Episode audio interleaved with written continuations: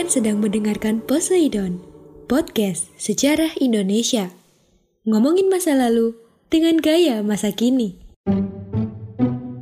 Assalamualaikum warahmatullahi wabarakatuh. Selamat pagi, selamat siang, selamat sore, dan selamat malam bagi kalian pendengar Poseidon, podcast sejarah Indonesia. Perkenalkan, nama saya Kata Kemal Ferdinda. Kali ini kita akan membahas mengenai sidang PPKI yang pertama, kedua, dan ketiga Serta kondisi awal kemerdekaan Indonesia. Nah, pasti kalian sudah familiar ya yang namanya PPKI, singkatan dari apa? PPKI adalah panitia persiapan kemerdekaan Indonesia. Nah, PPKI ini adalah panitia yang bertugas untuk mempersiapkan segala sesuatunya mengenai kemerdekaan Indonesia. Sebelum ada PPKI, sudah ada badan yang namanya BPUPKI yang dibentuk oleh Jepang namun karena tugasnya sudah selesai, badan ini dibubarkan. Setelah BPUPKI tidak ada, Soekarno membentuk PPKI pada tanggal 7 Agustus 1945 dengan izin pembentukan badan ini diberikan oleh Hisaichi Terauchi, seorang marsekal Jepang yang berada di Saigon. Latar belakangnya, selain tugas BPUPKI yang sudah selesai, antara lain karena Jepang ini sudah mulai AFK, udah mulai kalah ya di palagan Pasifik seperti di New Guinea, di kepulauan-kepulauan Pasifik kecil, kemudian sudah kalah di Filipina, sudah kalah di Iwo Jima, dan lain sebagainya sehingga membuat banyak komponen masyarakat Indonesia yang mulai menagih janji.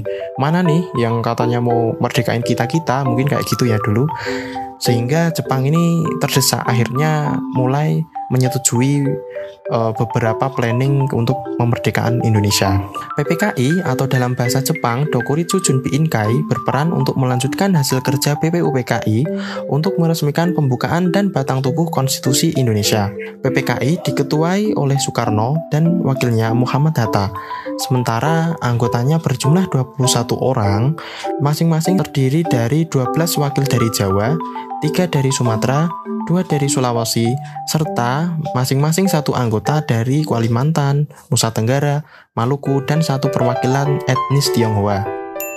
Nah, perlu kalian ketahui nih, karena anggota PPKI awalnya 21 orang, namun karena beban pekerjaannya yang berat, sehingga anggota PPKI bertambah menjadi 27 orang. PPKI menggelar sidang sebanyak tiga kali, sehingga ada tiga kali hasil sidang PPKI yang akan kita bahas. Nah, sidang PPKI yang pertama dilaksanakan pada Sabtu, 18 Agustus 1945 memiliki topik bahasan mengenai dasar negara dan pemimpin negara. Hasilnya antara lain yang pertama mengesahkan Undang-Undang Dasar 1945, yang kedua memilih Soekarno sebagai presiden dan Muhammad Hatta sebagai wakil presiden, yang ketiga membentuk Komite Nasional untuk membantu tugas presiden sementara sebelum dibentuknya MPR dan DPR.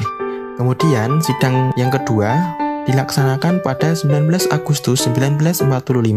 Fokus pembahasannya adalah untuk menyusun pemerintahan pusat dan daerah.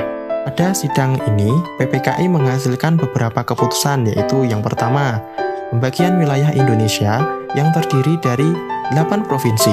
Provinsi yang pertama yaitu Sumatera, kemudian Jawa Barat, Jawa Tengah, Jawa Timur, Sunda Kecil, Maluku, Sulawesi, dan yang terakhir Borneo. Yang kedua, hasil rapatnya adalah membentuk komite nasional di tingkat daerah. Yang ketiga, menetapkan 12 departemen dengan menterinya yang mengepalai departemen dan 4 menteri agama. Sidang yang terakhir atau sidang yang ketiga pada tanggal 22 Agustus 1945 berfokus dengan merancang lembaga tinggi kelengkapan negara. Hasilnya yang pertama adalah yang pertama pembentukan Komite Nasional, yang kedua pembentukan Partai Nasional Indonesia, yang ketiga pembentukan Badan Keamanan Rakyat atau Tentara Nasional Indonesia. Akhirnya, pada tanggal 29 Agustus 1945, karena dianggap sudah selesai tugasnya, PPKI dibubarkan bersamaan dengan pelantikan anggota Komite Nasional Indonesia Pusat. Selanjutnya kita akan membahas mengenai bagaimana sih kondisi Indonesia pada awal kemerdekaan. Nah, keadaan Indonesia pada awal kemerdekaan ini ditandai dengan kondisi politik, keamanan, dan ekonomi yang sangat buruk. Ya, namanya kalau kita kasih perumpamaan, kalau anak bayi itu masih kecil ya, jalan pun masih nggak bisa, maunya masih owek-owek terus. Nah, pada masa ini banyak terjadi pemberontakan dan upaya pemisahan diri dari NKRI. Perpolitikan juga sangat tidak stabil karena sering terjadi pergantian kabinet. Sedangkan ekonomi kita sangat kacau karena terjadi kesulitan akibat banyaknya infrastruktur dan pabrik yang rusak akibat pendudukan Jepang dan perang kemerdekaan. Oke, kita bahas yang pertama ya, kondisi politik. Pada masa awal kemerdekaan Indonesia, banyak terjadi pemberontakan di berbagai daerah, misalnya pemberontakan PKI di Madiun, pemberontakan DITII, kemudian ada Permesta, ada RMS, dan lain-lain. Untuk mengatasi permasalahan keamanan ini, pemerintah berupaya untuk melakukan diplomasi kepada pihak yang memberontak sehingga meredakan pemberontakan. Misalnya, mengirim Johannes Leimena untuk meredakan pemberontakan RMS di Maluku dan mengadakan musyawarah kerukunan rakyat Aceh untuk mengakhiri pemberontakan DITI di Aceh. Pemerintah juga melakukan operasi militer kepada pemberontak yang masih menolak perdamaian, misalnya dengan melaksanakan operasi Pasopati untuk menumpas RMS. Kondisi politik Indonesia pada awal kemerdekaan ditandai dengan ketidakstabilan karena banyaknya kabinet yang jatuh dan sering terjadinya pergantian Perdana Menteri. Untuk menghadapi kondisi ini, dilakukan pemilihan umum yang berlangsung pada tahun 1955 untuk memilih anggota parlemen agar kondisi politik bisa membaik dan dapat dibentuk pemerintahan yang mencerminkan kehendak rakyat. Namun, upaya ini gagal karena tidak ada partai yang menang pada pemilihan umum 1955. Kondisi politik ini menyebabkan dikeluarkannya dekret presiden pada tanggal 5 Juli 1959 yang merubah bentuk pemerintahan sistem parlementer kemudian dirubah menjadi sistem presidensil. Selanjutnya kita bahas kondisi ekonominya. Ekonomi Indonesia di awal kemerdekaan sangat buruk ya, namanya juga masih kecil, masih uh, baru berdiri Indonesia itu karena kas negara ini kosong ya alias nol. Bahkan mungkin kalau zaman sekarang kita samakan dengan BU butuh uang.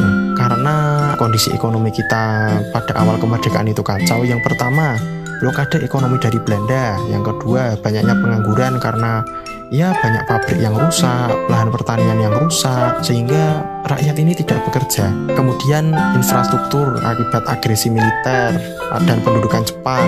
Kemudian ada beragamnya banyak mata uang yang beredar seperti The Javas Bank, mata uang Nica, dan mata uang dari Jepang.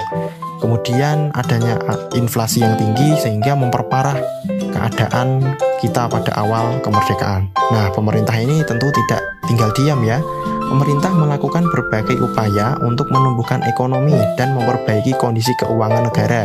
Misalnya, dengan melakukan nasionalisasi Bank Belanda seperti The Javas Bank diubah menjadi Bank Indonesia, melakukan kebijakan seperti sistem ekonomi banteng dan membentuk Dewan Ekonomi Nasional.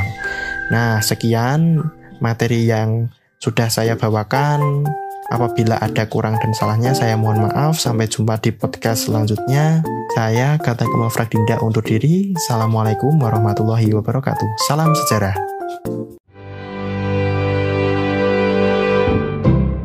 Terima kasih.